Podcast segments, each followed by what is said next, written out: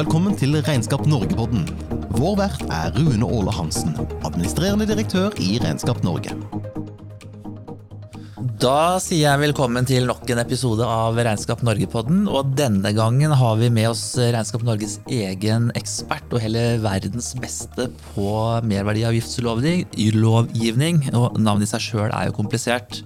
Eh, Sebastian Brottkorp, eh, velkommen. Tusen takk. Er du klar for å prate enkelt og forståelig om MVA? Jeg gjør stort sett bare det, Rune. Så Ja. det er jeg fullt eh, helt klar for, ja. Jeg må, jeg må bare starte med noe helt annet. Altså, hvor, man snakker av og til om moms, og noen ganger om MVA. Vet du hvor det kommer fra? Moms? Ehm, korte svaret er, eh, er nei. Ehm, MVA og står jo for merverdiavgift. Um, men moms det er jeg ikke helt sikker på, faktisk. Hvor, hvor det, hvorfor man kaller det for moms. For i, i hverdagen, altså når vanlige folk, eh, i hvert fall jeg snakker om moms, altså moms, så mener jeg jo MVA. ikke sant? Sånn at vi er enige om at i hvert fall det riktige begrepet er MVA, men det er jo de samme tingene. Ja, eller merverdiavgift. Ja, det også. Så eh, hvis du hører på, på Skatteetaten sin podkast eller deres eh, nettkurs, så, så, så sier de jo ikke MVA eller moms, da sier de merverdiavgift. Ja. Merverdiavgift, merverdiavgift. Hele tiden. Og det er litt sånn, nesten litt slitsomt å høre på. Altså, så kanskje vi skal bruke litt forskjellig i dag? Vi gjør det. vi gjør det. Vi ser åssen det går, vi. Ja, vi gjør det. Du, Vi skal gjennom litt av hvert, og hovedtemaet er MVA. Eh, Vi skal slutt av, eller På slutten skal snakke om det rådgivprogrammet som vi har eh, startet. Det kommer vi tilbake til, som sagt. Men først skal vi berøre en rekke saker som vi jobber med og har jobbet med, og som er dagsaktuelt. Og noe av det som vel eh, fortsatt er forholdsvis dagsaktuelt, som først kom i eh, forslag til statsbudsjett, og senere i en annen form i revidert budsjett, er jo dette moms på elbiler. Hva er greia der? Og her har jo du frontet bl.a. Eh, synspunkter i Regnskap Norge, blant annet i Dagsnytt 18, eh, da det først kom i, i, i statsbudsjettet med tilknytning til Hurdalsplattformen. Ja. Kjør eh, presentasjon. Jo, nei, eh, det som er morsomt med, med den saken der, er jo, er jo egentlig to ting. Og det ene er at det er så aktuelt. Det er så dagsaktuelt. Eh, Det er jo Folk kjøper jo elbiler, og det opptar dem veldig. Og de fleste er klar over det, at det ikke er moms på elbiler. Um, og så var det da det forslaget da, som kom i Hurdalsplattformen, som vi gikk sterkt imot her i Regnskap Norge. Eh, Det var veldig lite gjennomtenkt. Og eh, bare for å ta det, altså det som der var eh, forslaget, var det at man skulle ha et bunnfradrag, eh, som det kalles, på, på momsen. Og eh, man skulle da Altså, de foreslo å ha et fritak, et momsfritak, på elbilen opp til kostpris på 600 000 kroner. Så det skulle være da momsfritak for en og samme bil opp til 600 000. Og når den kostet mer, så skulle det bli moms. Og da full moms, eller? Full moms. 25% moms. Og utfordringen eh, med det forslaget der er at en slik løsning er et helt nytt prinsipp i avgiftsretten. Man kombinerer ikke momsfritak med avgiftsplikt for den samme varen. For det var jo forslaget. Mm. skulle være både fritatt og avgiftspliktig. Begge deler, med andre ord. Begge deler. Eh, og, og det er jo sånn, ikke sant Enten så er varen fritatt, den, eller så er den unntatt, eller så er den avgiftspliktig. Har ikke noen kombinasjon. Men det hadde ikke de da oppå altså Hurdalskameratene, som de ble omtalt eh, som, tenkte gjennom. Og det hadde jo ikke vært innom departementet heller. Eh, Så dette var noe som bare ble kokt opp der og putta, inn i plattformen. Men før vi bare tar det, jeg, det tekniske, skjønner du intensjonen i forslaget? Ja, absolutt. Jeg skjønner intensjonen i forslaget. Det tror jeg alle gjør. Ja. Og det er jo det at det, det blir liksom litt for gærent at, eh, at eh, du skal få, få momsfritak for en Porsche Taycan til to millioner. Um, Det er ikke, da trenger du ikke støtte. Um, Men det er et behov for å løfte, løfte fortsatt, fortsatt behov for å løfte opp eh, elbilmarkedet. Og, og um, da skal man klare seg med, med rimelige elbiler. og vi i Regnskap Norge har jo ikke hatt noe sånn politisk mening om det er riktig eller galt at det momsfritaket skal fjernes, eller sånn som i Hurdalsplattformen delvis fjernes. Mm. Vi bare påpekte den tekniske løsningen som da var, eh, som var veldig dårlig. Jeg må bare understreke, for det er litt viktig det du sier der. Hang, akkurat det poenget der henger jo sammen med vårt engasjement rundt forenkling. Ikke sant? Det, er der vårt engasjement er ting skal være enkelt og forståelig, og i hvert fall ikke mer kompliserende, som jo var tilfellet her, egentlig. Ja, ikke sant? Og, og um, det som eh, Altså, jeg, jeg tror ikke eh, politikerne forsto ordentlig eh, hva de hadde foreslått. Og, og i den debatten jeg hadde med Frode Jacobsen på Dagsnytt 18, så sa han at ja, altså, vi har jo vi har klart dette her med elbiler, nei, med, med, med boller og hamburgere på takeaway, og da skal vi klare med elbiler også. Hva mente han med det? Ja, ikke sant? Hva mente han med det? Og det han, det han sikter til, er jo det at eh, når du går på McDonald's og bestiller maten eh, og sitter eh, i restauranten, så kjøper du en restauranttjeneste. Den er det 25% moms på. Når du tar med deg maten ut, så er det da et næringsmiddel du kjøper, og det er 15% moms. Det er to forskjellige hva skal jeg si, tjenester eller produkter man snakker om, rett og slett. Da, Ja, det er jo ikke det. Det er den samme, eh, det er jo den samme, det samme varen, Ja. men avgiftsmessig blir den klassifisert forskjellig ettersom du sitter inne og spiser eller tar med deg. Det er jo, eh, kan du si, en, en tåpelig greie. Altså at eh, det skal ha noe å si. Men det er ikke det samme som elbilforslaget. Fordi hamburgeren på McDonald's, eh, den splitter man ikke opp i noe fritak eh, og kombinerer med moms, eller kjører to avgiftssatser eh, samtidig. Enten så er det serveringstjeneste med 25% eller så er det næringsmiddel med 15% Og det er viktig å ta med seg der. For det var liksom det an- ankepunktet at ja, vi har klart det med det. Hvorfor skal ikke dette gå med elbiler? Men det er noe helt annet. Elbilforslaget var for den samme elbilen fritak og moms. Ja. Og det er der det ligger. Ja. Det var jo, vi var jo flere som protesterte. altså Det var flere organisasjoner som protesterte. Vi gjorde det grundig med, med faglige innspill, og registrerer jo at eh, forslaget ble jo sånn sett trukket. Og så har det kommet nytt forslag nå i revidert, og det er litt annerledes innrettet. Hvordan er det løst nå? De tok til seg det vi, eh, vi slo hardt opp eh, om. Og, og De lyttet, med andre ord. ja. Og eh, det nye forslaget det er i bunn og grunn at elbiler skal være avgiftspliktig. Men det skal innføres en tilskuddsordning. Og den skal da etter forslaget fungere slik at hvis elbilen koster opptil 625 000 kroner, inkludert moms, så får du 20% tilskudd av den kjøpesummen. 20% av 625 000, det er 125 000 kroner. Så trekker du det fra kjøpesummen, så sitter du igjen med da 500 000. Det er det elbilen ville kostet som i dag. Altså, hvis du kjøper en elbil i dag til 500 000, så ville den bilen kostet 625 med moms.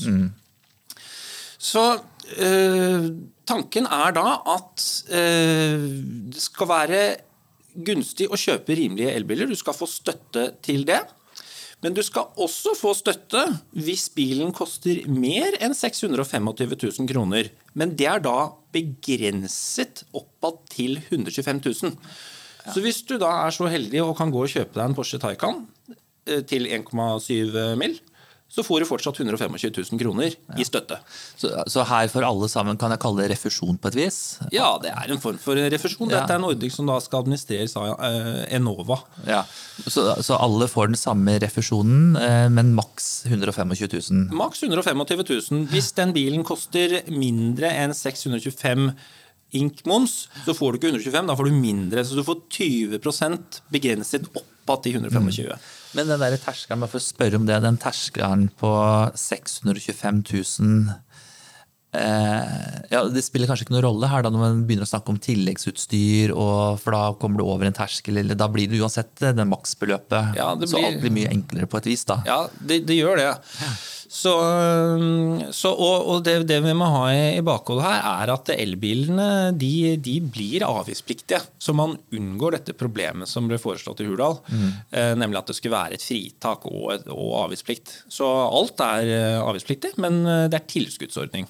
Mm. Og så vet vi jo ikke helt hvordan den skal administreres, om man umiddelbart får et tilskudd, eller om ja, Jeg husker når man, før når man fikk tilskudd på varmepumper, så betalte du jo varmepumper kampen først, og så gikk det to uker eller tre, og så fikk du tilbake penger fra Enova. Mm. Sikkert noe à la det. Ja, kommer an på hvor sjenerøs eh, staten har lyst til å være med tilbakebetaling av pengene. Ja, hvor kjappe de er på det. Ja. ja. Men, en, en, bare en annen ting, eh, for Du bruker også begrepene, og det er litt viktig. og jeg tror Mange er kjent med dem, men det er ikke sikkert alle lytterne er like fortrolig med det. Mm. Fritak og unntak. Ja. Kan du forklare det litt? Fritak og unntak ja, det er eh, viktig å, ha for seg hva som er forskjellen på det. Det blandes veldig mye i media. Det er veldig vanlig at man sier fritak når det egentlig dreier seg om et unntak. Basically så er det sånn at et momsfritak eh, for en vare eller en tjeneste eh, leder til at det ikke er noen utgående avgift. Altså selgeren beregner ikke utgående moms på varen eller tjenesten. Men selgeren har fortsatt fradragsrett for inngående moms. Mm. Så alle fradragsberettigede kostnader selgeren har, kan vedkommende fradragsføre i MVA-meldingen. Ehm, så det blir ikke noe utgående moms for disse omfattet av momsfritak.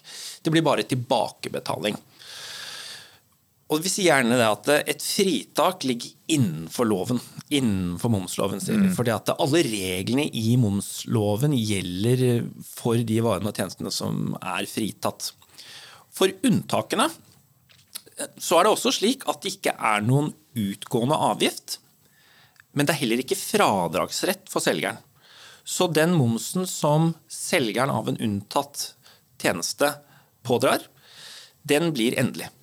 Så det resulterer jo da um, i at den inngående avgiften ikke er fradragsberettiget og lempes videre på på kjøperen mm. av tjenesten. Og disse tingene er spesifisert i merverdiavgiftsloven, ikke sant? Ja, det er positivt opplistet hva som er fritatt og unntatt.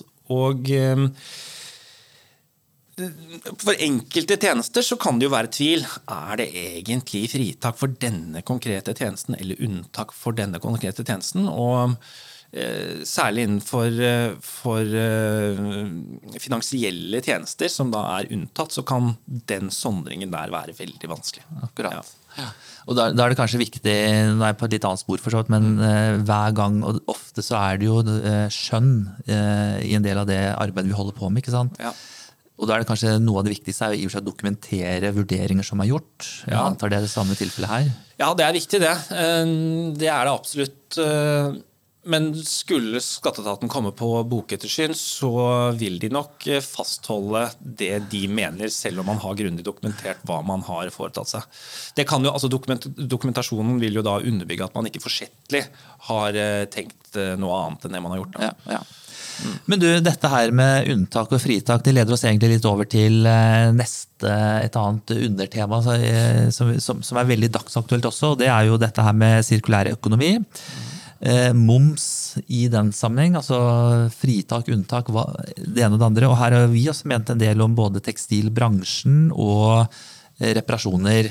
Og vi har jo hatt faktisk eh, en del såpass mye meninger om det at en del miljøorganisasjoner har begynt å ta kontakt med oss. Vi har fått gleden av at vi snart skal besøke i møte med Miljøverndepartementet, litt for å presentere noe, noe av vårt syn. Så hva kan du si om det når vi snakker da om eh, moms og bærekraft? Ja, Moms kan brukes eh, som et virkemiddel for å øke bærekraften, sikre den, og eh, forhindre, forhindre kast av varer. Det, er, det, var jo først og fremst tekstilindustrien som, som ledet oss inn på dette sporet her.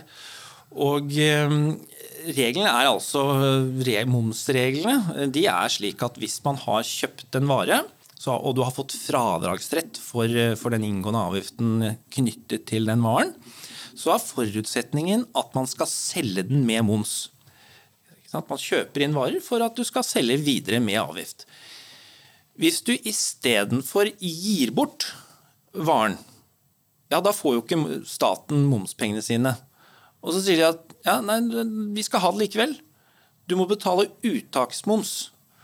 Så du tar en vare ut fra lageret og gir den bort, og det fører til uttaksplikt.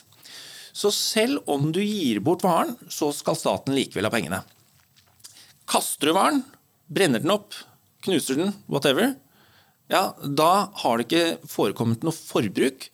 Så da vil ikke staten pålegge deg noe uttaksmoms. Og, for tekstilbransjen spesielt, eller det er i hvert fall det som har vært litt opp nå, um, og, der er det veldig mye kasting av tekstiler. Kaster og brenner eller destruerer. Så regelverket slik det er i dag, eh, stimulerer egentlig til, hvis det er utgåtte varer, altså klær, det har gått av moten, du får ikke solgt det f.eks., da lønner det seg for bedriften faktisk å destruere det framfor å gi det bort. Ja, og forutsetningen, Det er helt riktig, men forutsetningen er jo at varen har, har en verdi. At det skal, altså Hvis ikke denne varen har noen verdi, så har du jo ikke noe beregningsgrunnlag for å, for å beregne noe uttaksmoms. Mm. Men jeg vil tro at i de aller fleste tilfeller så, så er det slik at man ikke har plass på, på varelageret. Det kommer i nye kolleksjoner, og du må bare kvitte deg med de klærne. Mm. Og da er det billigere å kaste klærne enn å gi dem bort. Og det mm. blir jo feil, altså, hvis man skal tenke, tenke sirkulært og, og gjenbruk. Mm. I, I, denne saken så har vi, og flere, eh, sett hen til det fritaket man har gitt på, for næringsmidler. Eh, og da har begrunnelsen vært sant, at uh, istedenfor at uh, restauranter skal kaste mat, så kan de gi bort mat, og den blir jo fort bedervet. og få et fritak hvis man gir det til det er vel veldedige organisasjoner først og fremst. Ja. Og så har vi sett at når man kan ha det fritaket der på næringsmidler, kan man ikke da ha det på, på klær. Og så virker det som det er litt vanskeligere på klær. Hvorfor tror du det er det? Jeg har noen tanker, men jeg har lyst til å høre hva du, hva du tenker. Ja, hvor, hvorfor det skal være vanskeligere på klær, det vil jeg gjerne høre om, Rune. Kan ikke du ta det først og sist? Ja, nå kommer fasiten. Lytt og lær. Nei, jeg vet ikke, men er det, dette sitter jeg og lurer på, så får du si hva du tenker om det. Men næringsmidler, det er jo nettopp det at det, det blir jo fort bedervet og ødelagt. Så det har jo veldig kort levetid. Eh, og det er snakk om at eh, det kan du ikke selge videre. Det er veldig vanskelig. i hvert fall så Du gir mat videre, og så selges, gir maten bort, og så selges den videre mat i ferd med å gå ut på dato. Den kan du gi bort til et uh, sykehjem f.eks., og da spises den der og da. Ferdig arbeid. Mm. Klær, uh, å gi bort klær som eksempel, kan, for det har vært litt snakk om, man kan gi klær til uh, gjenbruksforretninger. Og da blir det fort næringsvirksomhet. ikke sant? Ja. Fordi klærne går altså Én ting er at de går av moten, men de er jo fortsatt har en verdi. Uh, og jeg tenker Her må man jo ha noe, kanskje det blir litt mer komplisert ha disse avgrensningsreglene. da. Fordi Hvis vi skal tenke sånn klær skal gi til, veldedig, til en veldedig organisasjon til veldedighet, det er greit. Men gir du klær f.eks. til uh, uh, altså, hva heter det for noe? gjenbruksforretninger, da, mm. som isolert sett de skal finansiere mye veldedig arbeid, men de selger jo klærne. Så da har du næringsvirksomhet. Ja, det har man. Og, men igjen, altså Vilkåret for, næring, for, å gi bort næringsmidler er jo eh, Det er to vilkår. Det ene er at det må gis til en registrert veldedig organisasjon, som igjen gir det bort vederlagsfritt. Mm. Og man kunne jo ha gjort det samme her med klær. da. At du gir bort til en registrert veldedig organisasjon som gir det bort vederlagsfritt. Det er ikke sånn at mottakeren skal tjene penger på salget videre, selv om de kanskje kunne gjort det. Men, men det, burde være, eh, det burde være en løsning på det. fordi at Å destruere fullt brukbare klær når andre har store stor behov for eh, det, det er jo det systemet legger opp til. Og man må jo ha i mente det at de, det er ingen som vil gi bort mer enn de må, eller føler for. Eh, så, så provenytapet for staten vil jo være helt marginalt. Mm. Men tenker du at det er lett å sette da, det vilkåret, ikke sant? at det, eh, det gis videre? Da, altså man, klærne gis fra en butikk, en kjede, til eh, veldedig organisasjon, eh, og så skal de må ta det videre, men da uten å tjene penger på det. Da får jeg nesten si litt sånn som han Frode Jacobsen sa. Altså, vi, vi har klart det med næringsmidler, og da skal vi klare det med tekstiler også. Ja, veldig bra. Ja. Og, er, men, og, fra, og fra næringsmidler og tekstiler, veien da bort til reparasjoner, er det noe særlig annerledes da egentlig? Ja, fordi at på reparasjoner så snakker vi jo ikke om noe uttaksplikt. Tanken bak fritak på reparasjoner er jo bare det at man skal, ikke, man skal reparere istedenfor å kjøpe nytt. Og Hvis man ikke betaler moms på reparasjon, så blir det litt billigere. Kan bli i hvert fall litt billigere, hvis ikke da reparatøren tar hele fortjenesten, eller hele momsen selv. Da. men når man gjør sånne fritak, så ser vi jo at vanligvis så går jo prisene ned. Mulig at noe spises opp av leverandøren, men det mest sannsynlige her er jo det at en reparasjon vil bli billigere med et fritak. Og at eh, det i noe grad vil føre til at man reparerer mer enn man eh, kjøper nytt. Mm. Og eh, det som visstnok da repareres aller mest, er jo nei, det som kastes mest istedenfor repareres, det er hvitevarer. Og i første omgang kunne man ha begrenset et sånt fritak til hvitevarer. Og så får man jo da en, en sånn avgrensningsproblematikk. Hva er hvitevare, og hva er ikke? Eh, og hva er reparasjon, og hva er, hva er ikke? Men eh, det skal nok gå an å få, få noen retningslinjer på, eller få det forskriftsfestet. Så, så, det er absolutt eh, en god tanke, det, i et slikt sirkulærøkonomisk øyemed å kjøre fritak på reparasjoner. Mm. Ja det er jo virkelig i tiden, dette her. ikke sant? Og vi, Det er, skjer ting på Stortinget, vi har vårt engasjement. Eh, og vi skal jo som sagt til Klimadepartementet og diskutere litt dette her. Klima- og miljødepartementet. Og så var vi jo forleden vi kan tillate oss å fortelle om det, ikke sant? vi var forleden også i Finansdepartementet og snakket med de som sitter på skattelov og merverdiavgiftslov. Hva er din opplevelse av departementets holdning til disse forslagene? Litt ignorant, hvis jeg tillater meg å mene det. Ehm, de, de har, jeg, jeg, opplevde vel litt at de hadde en litt sånn forutinntatt eh, holdning til, til dette her.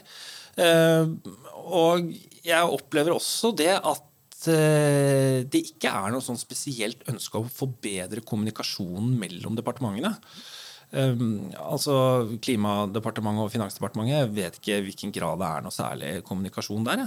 Men de sitter jo og fører sine ting, fører sine saker hver for seg. Og det var jo noe vi tok opp, at den kommunikasjonen bør bli bedre. For det skal du jobbe med klima, ja, så er skatt og avgift eh, noe som absolutt bør trekkes inn. Og da er det jo Finansdepartementet som bør trekkes inn. Mm. Um, men, eh, men, jeg husker, altså bare for å illustrere den manglende kommunikasjonen her Jeg husker når det skulle, altså I uh, forarbeidene til, uh, til, loven som ble innført uh, for et par år siden om um, moms på kosmetisk kirurgi og, og, alternativ behandling Et av ankepunktene for den kosmetiske kirurgien var helseturisme til utlandet at hvis det blir dyrere i Norge, så vil folk gå til utlandet. Og i den, i, i den OT-proppen der så ble det bare svart ut på det at ja, men det er det Helsedepartementet som må ta seg av. Klimaturisme til utlandet, det har ikke vi noen ting å gjøre med. Så, så, det er bare sånn fra, altså skyve litt ansvaret fra seg mm. under henvisning til at det er et annet departement eh, som tar seg av det ansvarsområdet. Ja. Så jeg tror altså, Hvis man i fremtiden sånn i staten kan bli bedre på å jobbe litt sammen, så vil man komme nærmere et, eh, et godt resultat. Ja. Vi kan jo si til alle lytterne der at her, vi, vi, følger veldig med på dette fra Regnskap Norges side. Og jeg opplever jo at uh, når vi tar opp dette her med moms og skatt og konsekvensen på bærekraft, det er jo det vi setter søkelys på nå, så er det mange som blir litt overrasket, fordi dette kan de ikke, dette vet de ingenting om. Eh, og samtidig så er det mange som sier at jøss, dette var interessant, dette er interessant. Og vi forteller jo samtidig at eh, momsloven er jo 50 år, og skatteloven er jo bygger på 100 år gammelt regelverk. Den gang da tenkte man ikke bærekraft. Nei, ja. Og det, det, sånn sett blir det litt spennende nå framover å se, og det tror jeg vel er, liksom, det er en arbeid i prosess eh, er å få den forståelsen litt mer og mer inn i også Finansdepartementet. Ja, det er helt uh, riktig det. altså. Men du, vi skal gå fra litt av de sakene til andre ting som er av ny dato for mange av våre medlemmer. Eh, ny MVA-melding. Ja. Hva, hva er det? Hva er nytt? Er det veldig nytt? ja, det vil si at det er veldig nytt, egentlig. Altså, Er det bra? Ja, det er bra. Vi har i hvert fall ikke fått eh, noen tilbakemeldinger på at det ikke er bra. I hvert fall ikke som jeg har registrert. Eh, Og eh, ja, den nye MVA-meldingen har jo blitt helt forandret. Det er gått fra å være et statisk dokument med poster som skal fylles ut i Altinn, til å være et helt dynamisk dokument, hvor man da bare velger frem de postene som er aktuelle for den enkelte termin. Så det er et, det er et nettbasert skjema som, med, med dynamiske poster som man, som man bruker for å rapportere. Uh, også nye poster som kan være nyttige å bruke. Um, så det, det uh, vi, vi har ikke hørt noe, faktisk, uh, noe negativt om selve MVA-meldingen. Er, er den intuitiv? Er den lett å forstå? Jeg, slik jeg opplever det, så er det det. Ja. Mm, det er det. Det som, det som har altså, Og dette her kjøres jo ikke lenger i Altinn. Det er på skatteetatens eget system. system. Så det skatteetaten gjør, det er jo å ta ut tjenester fra Altinn og putte det over i sitt eget system. Det i seg selv er kanskje ikke så veldig lurt. Mm. fordi at da får man jo to plattformer man må forholde seg til. Og, og MVA-meldingene altså de lagres jo i arkivet i Altinn. Så ja, det er ikke helt heldig akkurat det. Men selve MVA-meldingen er grei. Det vi har fått eh, eller det vi har registrert og fått flere tilbakemeldinger på, eh, er eh, MVA-registreringsløsningen. Den er ikke like god som det den var. Før så kunne hvem som helst, eh, gjerne da regnskapsføreren, legge opp en søknad om registrering i momsregisteret eh, i Altinn. Og så gikk det en, eh, automatisk da en e-post til vedkommende som skulle signere denne meldingen. Og hvis ikke regnskapsfører selv hadde denne rettigheten begrenset signeringsrett, så var det de som står oppført uh, som styreleder, eller de med begrenset signeringsrett, som måtte signere. Så de fikk altså en automatisk, eller altså, de fikk en e-post fra systemet om at nå ligger det klart. Det gjør det ikke her i det nye systemet. Regnskapsfører kan fylle ut meldingen, ikke signere den. Det er for så vidt ikke noe nytt hvis ikke man har denne begrensede signeringsretten. Men det er altså det der at det, da ligger den bare der. Det går ikke noe melding til de som skal signere. Så regnskapsføreren må aktivt gi beskjed, da? Ja, du må gå sette sammen en, gammel eh, e-post til eh, de som skal signere, og informere om at eh, hei, hei, nå ligger det MVA-registreringsmelding klart til signering. Gå inn og signer. Og så får man heller ikke som regnskapsfører da noe dokumentasjon på at det er signert. Dette har vi meldt fram da, til, til skatteetaten, og det er visstnok da uh, under lupen der at de skal komme opp med en løsning. Ja, Jeg må si, akkurat det du forteller nå, det, er jo, det høres jo et skritt tilbake ut, egentlig. det er, det er, Ineffektivt. Det er akkurat det der, et skritt tilbake. Ja. Men, men det, er jo, det er jo i og for seg isolert sett godt å høre at meldingen høres eh, mer praktisk ut, intuitiv, at den er mer eh, eh, hva skal jeg si, digital. Eh, fort, det blir mer effektivt ut av det. Men vi har jo den bekymringen som du nettopp nevnte, at eh, det tas ut av Altinn. Eh, og vi har jo dette nå på MVA-meldingen, vi ser det samme på skattemeldingen som er kommet. Eh, Vi ser tendensen i litt andre sammenhenger også, så dette er litt sånn Hallo, regjeringen, nå må dere høre. Ja. Det er ugreit å nærmest hva skal jeg si, pulverisere gradvis Altinn, for vi ønsker alle det ene stedet å gå inn og rapportere den ene gangen, eller i hvert fall færrest mulig ganger. da. Ja. Så, men men har, akkurat det poenget har, er det blitt eh, kommunisert også til eh, skatteetaten? Ja, jeg har kommunisert det ved flere anledninger til, til skatteetaten. Senest eh, under en podkast med skattedirektøren og Ja. påpekt dette her at det er slutt med det der. Ikke drive og rive stykker stykker Altinn. Og hva sa hun da? Ja, jo, nei, vi har setter veldig pris på alle innspill vi får og så videre.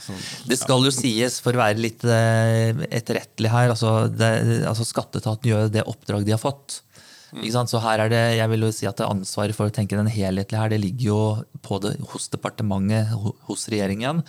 Så bevilges det prosjektmidler ned til skatteetaten som kjører sitt enkeltstående MVA, enkeltstående skatt. Men det er ugreit at det skjer. Ja, altså, så, altså Hvis de skal gjøre det, så må det i hvert fall være de samme løsningene som man hadde i Altinn. Og så må det ikke være sånn at du er nødt til å logge inn litt i Altinn og litt på skatteetatens MVA-portal. Da må du holde og gå ett sted. Og den der MVA-portalen den ser jo den ser mye mer moderne ut enn det, enn det Altinn gjør. Så, så sånn sett så er det en sånn fresh, fin side og store bokstaver og liksom litt farger og sånn. Det er ikke så mye av det i Altinn. Vi kan godt legge noen fargekoder i Altinn også. ja, ja. Så, så jeg liker absolutt eh, looken på det, og følelsen kan du også si. For det er, det er sånn, med den der, de der menyene som du bruker og eh, jeg, syns det, det systemet ser bra ut. Det er bare det at man ikke kan glemme hvordan det var, og, og sammenhengen med de andre systemene. Men vi slår altså fatt at eh, meldinga i seg sjøl er bra, den har vi tro på. Den eh, har vi tro på. Vi har som sagt ikke fått noen tilbakemeldinger på at den er eh, dårlig. Men før vi glir over til å prate om eh, vårt eh, eget MVA-rådgiverprogram, så lurer jeg på, er det noe spesielt som medlemmer vår for tiden melder om er utfordrende? Det er alltid ting som, eh, som er utfordrende, men det er særlig én gjenganger, og det er moms og viderefakturering. Og Det er ikke noe rart at det er utfordrende, fordi det ikke finnes noen tydelige retningslinjer på hvordan det skal håndteres. Det er sprikende signaler fra myndighetene. Og mm, det er ikke helt lett å plukke opp hva er det som er regelen her. Hvordan skal vi kjøpe inn en vare eller tjeneste, ha fradragsretten i behold, for så å fakturere utgående moms? Og Det som er overraskende, syns jeg, det er det at viderefakturering det er så alminnelig. Det er så vanlig i næringslivet å kjøpe inn noe og selge det videre. Ja, ja, men det bare viderefakturerer vi. Men det er altså relativt strenge regler for hvordan dette skal håndteres. Og, og, og når jeg sier regler, så ja, det er i hvert fall trukket opp noen, noen regler og, og noen prinsipper. Men helt klart hvordan det skal gjøres, det, det, det tør jeg påstå at vi ikke helt vet. Men eh, det er noe vi kan forholde oss til. Ja, for jeg skulle til å si, Hvilke råd gir Ja. vi da? Det rådet som, som jeg alltid gir, eh, er knyttet til dette begrepet selger- og leveringsansvar. Det er sagt at hvis eh, du skal selge noe videre, så må du ha et selger- og leveringsansvar for det som selges. Det betyr jo det at man innestår for innholdet i leveransen. eh, Og man er da mottaker for eventuell reklamasjon på varen eller tjenesten. Og så er det sånn at hvis et eh, morselskap kjøper inn en advokattjeneste, si de kjøper inn en utredning om en komplisert eh, skattemessig problemstilling fra et advokatfirma, og så fradragsfører de avgiften og fakturerer datterselskapet for denne tjenesten. For dette her var noe som da datterselskapet skulle benyttes. Ja, Da er det jo sånn da, at i henhold til det som er sagt om selger- og leveringsansvar, så har morselskapet dette ansvaret. Det er ganske sjelden at man kan hevde da, at et morselskap i et konsern omsetter en juridisk eh, komplisert eh, rådgivningstjeneste. Men det er altså det som skal til for at dette kan øh, bli godkjent som en avgiftspliktig transaksjon. Ehm, og det samme gjelder varer. Kjøper du inn en pakke med penner som skal viderefaktureres til eh, en ekstern eller et internt eh, selskap i konsernet, så har man altså dette selger- og leveringsansvaret. Men, men ikke sant, nå, nå nevner du konsern, men så tenker jeg mange av våre medlemmer og næringslivet der ute, det er jo ikke konsern, det er jo små virksomheter. Er, har de samme Ja, problemstilling? den, den samme problemstillingen vil gjelde enten man er i konsern eller utenfor. Det som eh, er uh, pussig her, er jo det at ja, det har jo, eh, som jeg har vært inne på, dette ansvaret. Um, Men i den sammenhengen, i den uttalelsen der, så sies det ingenting om krav til påslag på, eh, på varen eller tjenesten, eller det at eh, transaksjonen skal skje som ledd i næring. Fordi et helt grunnleggende prinsipp i avgiftsretten er det at en avgiftspliktig transaksjon eh, må finne sted i næring. Og med i næring så mener man jo bl.a. det at uh, det er en forutsetning å gå med overskudd. Mm. Man kan ikke drive næringsvirksomhet ved å kjøpe inn noe for 100 kroner og selge det videre for 100 kroner. Det, det, ligger vel i ordet merverdiavgift? Altså merverdi? Ja, det er ikke helt. Øh, men øh, næringskravet, mm. det ligger i bånn for at man skal kunne eh, bli registrert for moms. Du, du, får ikke registrert deg hvis du sier at jeg driver ikke næringsvirksomhet. Men ok, så har man selger- og leveringsansvar. Ja, så trenger man ikke gjøre noe påslag da på den transaksjonen. Det er jo eh, noe som man kan lese i merverdiavgiftshåndboken at man må gjøre. Der kan du se at eh, ja, det er et krav til at du gjør et påslag, eller ikke nødvendigvis et påslag, men transaksjonen må skje som ledd i næring. Så at på den ene siden så har du dette med selger- og leveringsansvar. På den andre siden så fokuseres det på næring og påslag.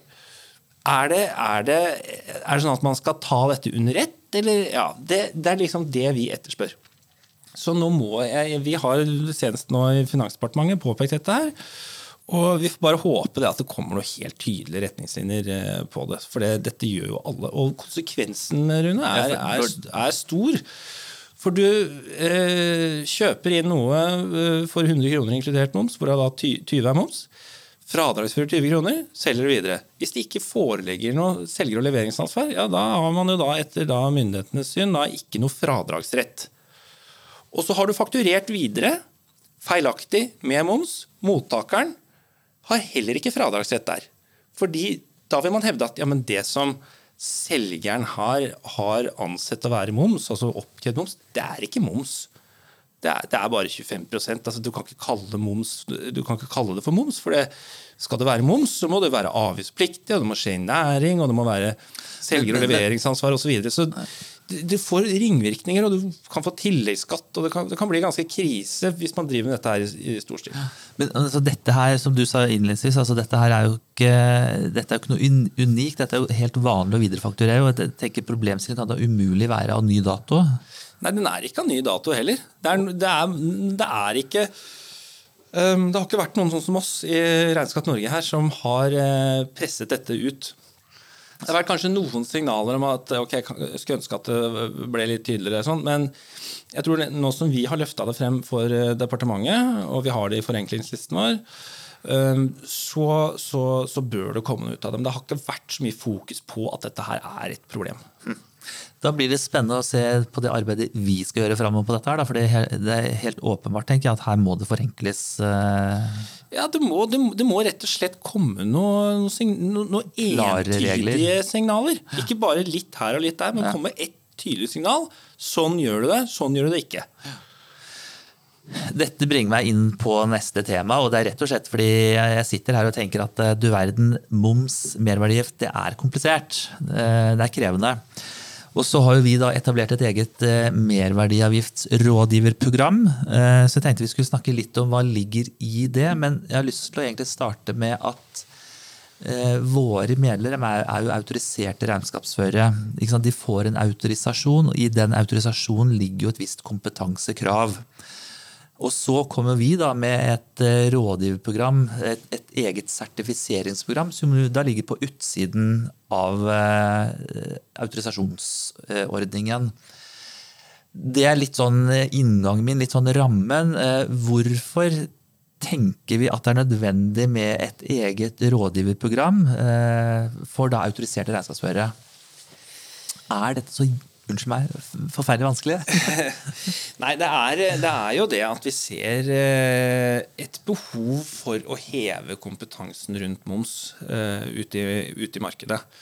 Det er det. Og, eh, og det, er, det, er også, det, er, også, blitt tatt veldig godt imot, dette programmet. Og mm, folk ønsker å bli bedre på det. Det er bare litt sånn Hvordan gjør du det? Tar du ett og ett nettkurs her og litt der og leser litt på egen hånd? Eller skal du rett og slett eh, kjøre MVA rådgiverprogrammet, som er åtte dager, fulle dager med full gjennomgang av hele greia. Og greia er moms. Og greia er moms. Så det er, en, det, er en, det er en ganske solid pakke, dette her, for å betraktelig heve momskompetansen. Hvem er målgruppa? Målgruppa er eh, regnskapsførere, revisorer, økonomimedarbeidere, kanskje også advokater som, eh, som ønsker å utvide tjenestetilbudet sitt eh, og, og tilby MVA rådgivning. Det, det, kan hende at man er, som advokat er god på skatterett, men ikke på moms. Blir med på dette her, så får du hevet kompetansen din såpass til at du klarer å identifisere problemstillinger og løse dem. Kan, kan, du si litt mer innhold? Én ting er at det er åtte dager, og, og, du er gjennom hele greia, som du sier, men hva betyr det? Nei, det betyr eh, en grundig gjennomgang av momsregelverket. Det som jeg har vært litt opptatt av, er å bruke litt tid på de helt grunnleggende prinsippene. Det som ligger i bånn. Det er ofte der man løser problemstillingen. Det går på eh, omsetningsbegrepet, det går på næringsbegrepet. Eh, det går på å, å være, ha, ha under huden de viktige prinsippene som ligger der ute. Og eh, så det er liksom det som vi kjører helt i bånn, sånn at du skal ha en god start for å lære spesialreglene. Og eh, vi går, vi går nøye gjennom fradragsretten for avgift. Det er, ikke, det er en veldig viktig regel, men komplisert. Og vi tar det nøye for oss. Vi skal ikke gå gjennom alle fritakene og unntakene i loven, men vi har plukket ut en god del av dem. Og de fritakene og unntakene vi har valgt, er de som dukker opp i praksis. Så eh, de mest sentrale fritak og unntak blir grundig gjennomgått. Vi kjører en hel dag med fast eiendom eh, og moms. Og det kunne man sikkert ha brukt to dager på, men eh, vi velger å bruke én dag på det. Kan du bare gi et lite stikkord, et lite eh, blikk på hva, hva som er komplisert eh, når det gjelder eiendom og moms? Ja, Hvorfor er det komplisert? Eh, omsetning og utleie av fast eiendom er unntatt. Og så går det an å bli såkalt frivillig registrert for utleie. Og Det betyr at du da beregner moms når man leier ut eiendom. Så er det vilkår for å bli frivillig registrert, og det er det at du skal leie ut til avgiftspliktige eller kompensasjonsberettigede virksomheter. Og så går det på eh, fradragsretten man har i den sammenhengen. Eh, leier du et bygg til både unntatte og avgiftspliktige leietakere? Kanskje noen driver kombinert virksomhet i samme lokale? Hva skjer med fellesarealene og påkostninger der? Er det en påkostning eller et vedlikehold? Så kommer justeringsreglene inn hvor man da skal se påkostningen over ti år og justere en tiendedel dersom bruken endrer seg. Hvor mye man skal gjøre det, osv. Så, eh, så Det er bare noe av det. Men, mm. men, eh, men fast eiendom er veldig sentralt. Og, og, det er også fordi at det er så mye penger i fast eiendom. Det er, altså, eiendom koster penger. Påkostninger er dyrt. Og Derfor blir det temaet veldig viktig. Bare et sidespørsmål her, for Når du snakker om fast eiendom, da lurer jeg på, skiller man her f.eks. på landbrukseiendom og annen type næringseiendom, eller er dette det samme? Altså, nei, det er det samme. Så All bebygget og ubebygget uh, eiendom anses da avgiftsmessig som, mm. som fast eiendom. Men så går det jo en grense. Hva er det som ikke er fast eiendom?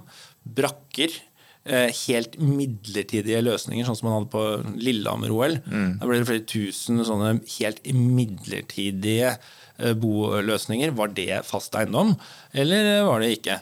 Og um, sånne problemstillinger dukker ofte opp i, i, i praksis. Ja. Mm. ja. Og mer når dere har vært gjennom den hele dagen med fast eiendom? Da kjører vi på en hel dag til med handel over landegrensen. Å, herregud. Men det er, eh, det er eh, også, eh, også, vanskelig. Og det er veldig mye spesialregler her. For man skiller mellom varer og tjenester. Og hvem er det som er mottakeren av varen, og hvem er selgeren, hvor er det levert, osv. Og, så og der er det også dyrt å trå feil. Så, så vi bruker, eh, bruker en del tid på det. Og det er særlig med tjenestene som eh, vi ser grunn til å utdype en del. Kan jeg forstå det riktig at eh, det vi gjør i dette programmet, her er virkelig å gå i dybden og få virkelig grundig innsikt i eh, merverdiavgiftsregelverket, spesialregelverket, holdt i alle unntak og fritak og alt mulig rart. Det er mye mer grundig innføring enn det som ligger i autorisasjonsordningen. Jeg, jeg spør sånn fordi det er noe med, jeg tror det er litt viktig for lytterne våre da, å, å forstå hva mer de får eh, av kompetanse her, Ja. enn det de får i den, det kravet som ligger i autorisasjonsordningen. Ja, nei, Du får grundig kompetanse. her. Veldig, du, får høy, du hever kompetansen veldig. Og jeg merker bare selv når jeg lager dette kurset, så hever jeg min egen kompetanse. Så, så det er en betydelig heving. Men så har du jo rådgiverelementet her òg, ikke minst. Og tanken bak eh, programmet er jo det at man skal kunne omsette den kunnskapen man eh, tar til seg på, eh, på kurset. Og du lærer om rådgiverrollen. Ja. Hva er det, hva er det du altså Først og fremst, hvorfor skal du bli en rådgiver? Er du klar over at det ligger en risiko i å være rådgiver? Vi snakker om det, så snakker vi om oppsiden av det. Og så snakker vi om eh, det tekniske rundt eh, rådgiverrollen. Hvordan er det du selger inn en rådgivertjeneste? Og, da snakker du rådgivning generelt, eller bare til MVA? Ja, vi, vi, vi snakker, vi snakker eh, eh, mot MVA, men prinsippene er jo ganske generelle. Ja. Og eh, hva slags rådgivningsprodukt skal du foreslå? Hvilke timepriser skal du ha? Hva slags avtalevilkår er lurt å avtale med kunden? Um, hvordan oppdaterer du deg? Hvordan skal du markedsføre dette her? Eh, du, du blir rustet til å rett og slett bli en MVA-rådgiver. Mm. Hva er tilbakemeldingen så langt på, på programmet? At dette høres veldig interessant ut. Ja. Eh, og så har det vært noen som har uh, tenkt litt på at ja, vi må reise, det, vi må ha flybilletter og sånn. Og svaret mitt uh, er da at de flybillettene, og for så vidt også Flybillettene dekker hun på to timers rådgivningsomsetning. Ja. Så hvis du går inn på dette her for å faktisk da omsette rådgivnings, rådgivningstjenester, så tjener du dette kurset. Gjør det. Og, og dette her er vel tjenester altså Dette er sånn type, jeg kaller det eh, mer avanserte tjenester, andre typer tjenester utover rene bokholdertjenester. Da. Eh, Og det, dette er jo eh, behov for over hele landet, vil jeg tro. Ja, absolutt. Altså, jeg vil bare si det at dette er, eh, det er et marked for dette her. Det er stort sett bare de store revisjonsselskapene, KPMG, EU osv., som, eh, ha- som har dette markedet her. Eh, og, og små advokatfirmaer omsetter ikke MVA rådgivningstjenester. Eh, Så, eh, så det er en mulighet her for regnskapsførere som har tilstrekkelig kompetanse rundt eh, moms. Det må man jo ha. Mm. Ellers så er det farlig rett og slett mm. å, å drive med dette her, for du kan få et erstatningskrav. Um, Men, um, men det er en, en mulighet her, og man vil jo ikke, man, man vil kunne ta noe av markedet ved at man ikke har eh, 6000 kroner i, i timen, som det man har i advokatbransjen. Eh, I hvert fall i de store selskapene. Og eh, således eh, kunne, kunne utnytte noe av det der og, og få, få omsatt noe rundt, eh, rundt MBA. Og, ja. Bare en sidediskusjon der også, nettopp dette her med prising. fordi det, det er jo noe som diskuteres mye i bransjen vår. ikke sant? Fastpris, timepris. Eh, og jeg tenker dette her for meg er et godt eksempel. eh, for jeg har begynt å si man, vi må jo ta betalt for verdien av den jobben vi gjør. Ja, ja, ja. Det ligger så mye kompetanse, det ligger til dels også investeringer i systemer. Men ikke minst den kompetansen sånn som vi beskriver og hører med rådgiverprogrammet nå, så er det jo veldig mye kunnskap og tid som er brukt for å kunne eh, levere en rådgivertjeneste.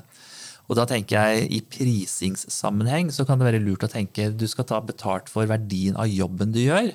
Eh, og da er tiden du bruker er faktisk litt irrelevant. Altså timepris er litt irrelevant. Det kommer jo an på hva man avtaler med kunden sin.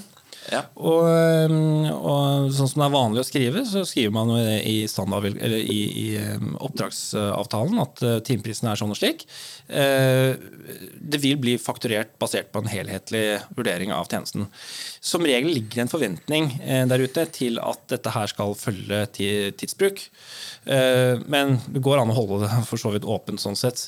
Men det, det som jeg eh, håper å si, gleder meg til å, til å lære bort, er den inngangen man har mm, til kundene. og og det at du måtte ha et veldig bevisst forhold til eh, hva, hvor mye gir jeg her nå?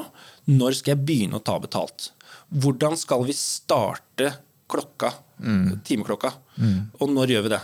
Og hva skal jeg fortelle kunden for at vedkommende tydelig skal forstå at nå koster det penger? Og Der tror jeg det at det er veldig mye å lære. Og øh, tror også at øh, det gis bort veldig mye gratis, som, som burde koste penger. Man gir bort kompetanse her. Jeg er helt enig, og jeg tror vi skal runde litt av med det. Så kan vi også skryte av at vi har et annet rent rådgiverprogram også i Regnskap Norge, nettopp for å ytterligere forsterke og gi kompetanse og trygghet i rollen som rådgiver. Eh, og det knytter seg også til når skal du ta betalt. Du, det her har vært eh, en reise i fritak og unntak. Vi har ikke vært innom bamsemom, så det er kanskje like greit. Ja. Eh, vi har vært innom boller og elbiler, så det har vært eh, ganske omfattende. Du, det her var nyttig. Jeg håper også tror at noen av de som har lyttet på oss, tenker at det, det programmet, det skal vi delta på. Så når er neste runde der? Nei, altså, min dør er alltid åpen. Ja. Så det er bare å ringe, maile, eh, spørre hvis det er noe dere lurer på her. Ellers så har vi fra tid til annen et sånt informasjonsmøte. Eh, så, men det, det legger vi ut og sender e-poster til, til medlemmene om. Og legger ut i nyhetsbrevene informasjon om det. Men som sagt så er det bare å ta kontakt altså, hvis det er spørsmål rundt det. Dere hørte det her, ta kontakt med Sebastian. Ja, vær, vær så god. Takk skal du ha, Sebastian. Tusen takk.